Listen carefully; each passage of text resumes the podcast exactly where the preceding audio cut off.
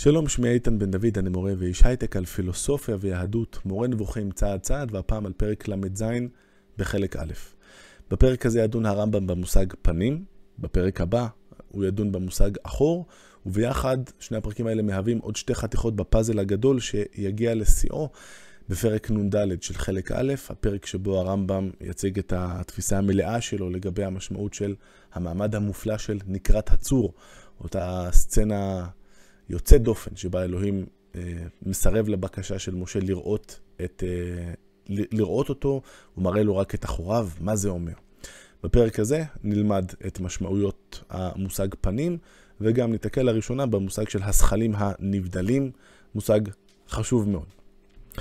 פנים הוא שם משותף.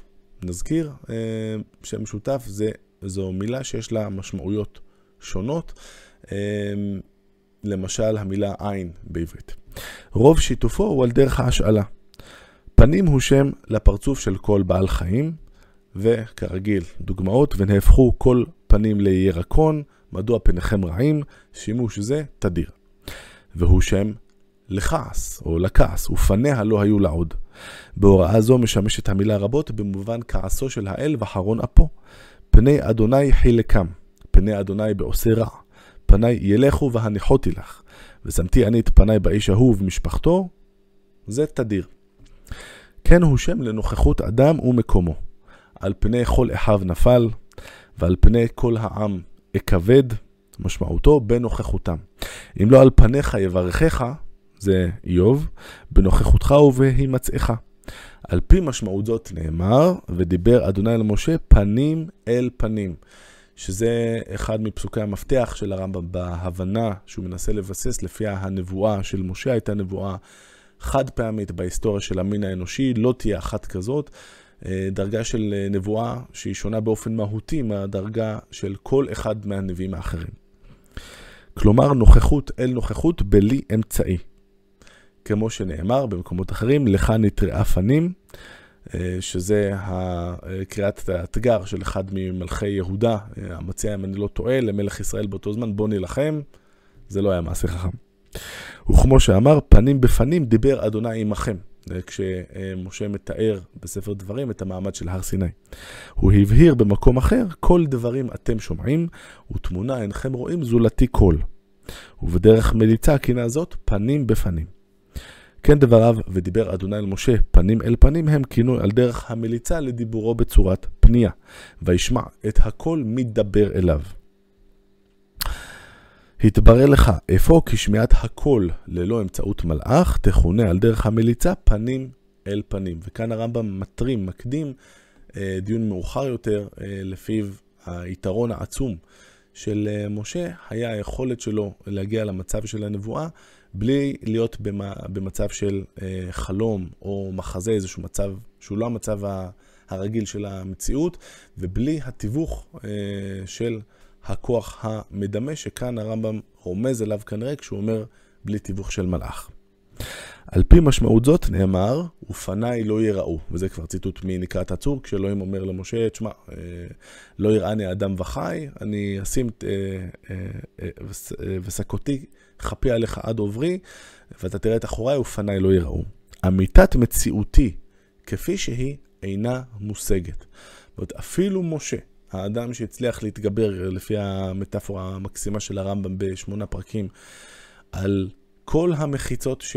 שמבדילות בינינו לבין אלוהים, הייתה לו עדיין מחיצה אחת, היותו נתון בחומר כאדם חי, ולכן אה, הוא לא יכול היה להשיג את אמיתת המציאות של אלוהים, להבין מה המהות האמיתית של אלוהים, זה משהו שאנחנו לא יכולים להגיע אליו. אבל הוא כן יכול היה להגיע לדרגה הכי גבוהה, שהיא קצת מתחת לדרגה הזאת.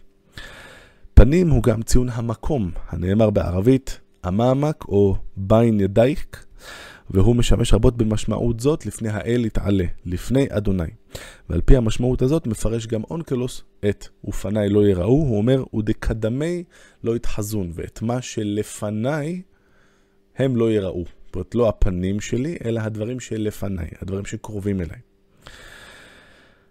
בכך הוא רומז שיש גם נבראים גדולים, אשר אי אפשר שישיג אותם האדם כפי שהם, הללו הם הזכלים הנבדלים. בואו נדבר דקה על, ה, על הדבר הזה. זכלים הנבדלים אה, זה מושג שמתחיל בערך אצל אריסטו.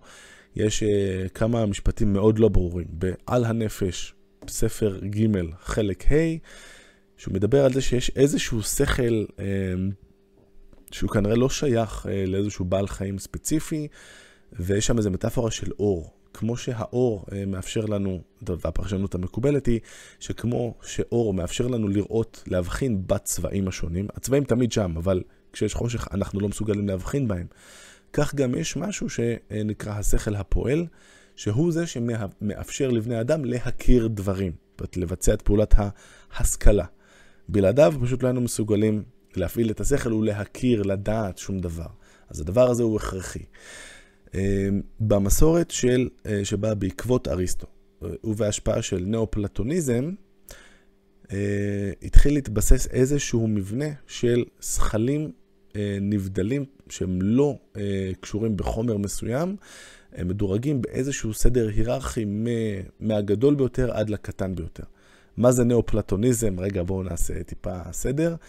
אז בעקבות הפילוסוף פלוטינוס, שחי אני לא זוכר בדיוק את התאריכים, אבל אני אסתכן ואהמר על המאה השנייה לספירה, ועם המנחה המקסימה, המרצה שלמדתי אצלה בתואר השני של בפילוסופיה, קורס על פלוטינוס, שבו נשארתי אחרון, אחרי שכל השאר פרשו והיינו באחד על אחד.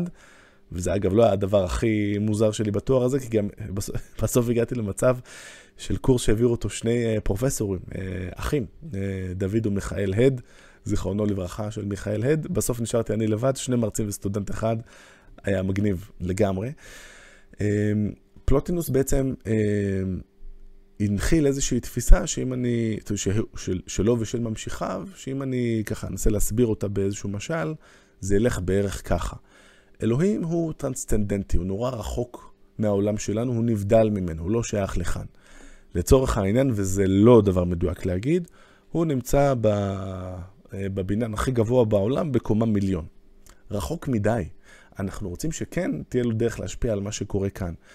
מה נעשה? אנחנו נבנה איזה שהן מדרגות. כל 100 אלף קומות אנחנו נעשה עוד איזושהי דרגה, וככה יש איזשהו, אה, איזשהו מדרוג של המציאות בין המציאות שלנו שנמצאת למטה לבין המציאות של אלוהים שנמצאת בקומה המיליון. אה, וזו תפיסה שאם היא מזכירה לכם מבנים כלשהם בקבלה, יכול להיות שאתם צודקים, אגב, לא כל המקובלים קיבלו את המבנה הזה של הספירות כאיזה משהו אנכי אה, במערכת של האלוהות. אה, מקובל מאוד רציני כמו אה, אברהם אבולעפיה, אה, שהיו לו שיטות אה, משלו. השווה את זה, הוא אמר משהו כמו הנוצרים, אה, להם יש שילוש, לנו יש איסור, זה הרבה יותר גרוע. אבל לא נקפוץ יותר מדי. בכל מקרה, הזכלים הנבדלים הם, אה, להבדיל ממה שקורה אצלי למשל, אני שכל שקשור בחומר, במכלול הזה של איתן. הזכלים הנבדלים הם נבדלים מחומר, ויש ביניהם איזושהי היררכיה, כי הם אה, ברמה איכותית שונה אחד מהשני. אה, ויש גם קשר בין הגלגלים השונים במבנה הזה שבו כדור הארץ נמצא באמצע והוא מוקף בכדורים שקופים כמו קליפות של בצל שבהם משובצים הכוכבים השונים.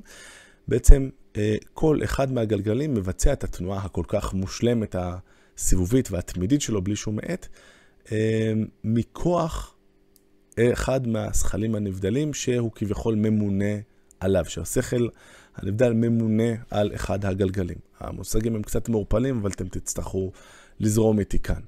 אז השכלים הנבדלים הם אלה אה, שבסופו של דבר אחראים על הרבה היבטים בעולם שלנו. התנועה של הגלגלים כמובן היא קריטית, כי זה גם התנועה של השמש והיום והלילה וכולי. והשכל הפועל אה, שהוא בעצם השכל הנבדל הנמוך ביותר, הוא, אה, גם לו יש חשיבות קריטית, כי הוא מאפשר לנו להכיר דברים ולצאת, להוציא את הפוטנציאל שלנו כבני אדם, הפוטנציאל השכלי שלנו מן הכוח אל הפועל. כמו שאם העולם היה חשוך, לא היינו יכולים לראות דבר, כך בלי השכל הפועל לפי התפיסה הזאת, לא היינו יכולים להכיר שום דבר, בוודאי לא את אלוהים, והרי מטרת האדם, ייעוד האדם לפי הרמב"ם, היא, הוא הכרת האל כפי יכולת האדם. לא נוכל לעולם להכיר אותו לגמרי, אבל להתקדם עד כמה שניתן. אז הרמב"ם אומר שבכך הוא רומז, עם ה... באמירה הזאת שלה, אה, לפני ופניי לא יראו, שיש גם נבראים גדולים אשר אי אפשר שישיג אותם האדם כפי שהם, הללו הם הזכלים הנבדלים. כלומר, רמב"ם מנסה לבסס את הטענה שיש ראייה לקיום הזכלים הנבדלים מן התורה. האם זה משכנע? אותי אישית אולי מעט פחות, אבל גם צריך לזכור שאני קצת משוחד. אנחנו כבר פחות uh, חיים בתפיסה הזאת uh, של הזכלים הנבדלים היום, ולכן זאת לא חוכמה גדולה. Uh, אני מאוד מזדהה עם המוטיבציה של הרמב"ם לנסות למצוא סימוכין בטקסט המקראי למה שהוא חשב שהיא אמת מדעית פרופר. הם יוחסו לאל, הזכלים הנבדלים, בתור שהם ניחו ולפניו תמיד, בגלל עוצם ההשגחה כלפיהם תמיד. שימו לב, יש כאן אמירה שאלוהים משגיח על הזכלים הנבדלים. ואילו הדברים הניתנים להשגה באמת לדעתו, כלומר לדעת אונקלוס, הם הדברים אשר מתחת להללו בדרגת המציאות, כלומר הם בעלי חומר וצורה. עליהם הוא אמר, ותחזה ית דבת ראה, ותראה את אחוריי, אז התרגום המילולי, ותראה את מה שנמצא מאחוריי. ובפרק הבא נדבר גם על המושג אחור. כלומר, הנמצאים אשר אני כביכול פונה מהם, ומפנה להם עורף על דרך ההמשלה, בגלל ריחוקם ממציאותו יתעלה, ועוד תשמע את פירושי מה ביקש משה רבנו, עליו השלום, זה בפרק נ"ד, כמו שאמרנו. ממשיכים הלאה. פנים הוא גם ציון זמן, במשמעות לפני כן, או קדום. לפנים בישראל, ציטוט מרות, או לפנים הארץ ייסדת, ציטוט מתהילים. ואנחנו מתקרבים לסיום פרק, פנים הוא גם כן שם הדאגה וההשגחה. לא תישא פני דל, ונשוא פנים, אשר לא יישא פנים, וזה תדיר. על פי המשמעות הזאת, אנחנו מסיימים בחיוך, גם נאמר, יישא אדוני פניו אליך וישם לך שלום, כלומר לגרום להשגחה שתלווה אותנו. וכאן, אה, כרגיל אצל הרמב"ם במורה נבוכים, בכל פעם הוא נותן לנו להרגיש קצת אחרת לגבי ההשגחה. האם ההשגחה זה יחס שמגיע מלמעלה, מהאלוהים למטה, או משהו שאנחנו מכוננים מלמטה למעלה בכוח השכל. במקומות שונים הרמב"ם מפזר אה, ערפל רב לגבי עמדתו האמיתית, וכאן אין ספק לגרום להשגחה שתלווה אותנו, זאת אמירה אה, שמאוד בעד התפיסה הראשונה, לפי ההשגחה היא דבר שיורד מלמעלה, מלמעלה למטה אלינו, ואלוהים משגיח עלינו. זה אולי נשמע טריוויאלי, אבל זה ממש לא, כמו שנראה בפרקים אחרים במורה נבוכים. עד כאן להפעם, להתראות.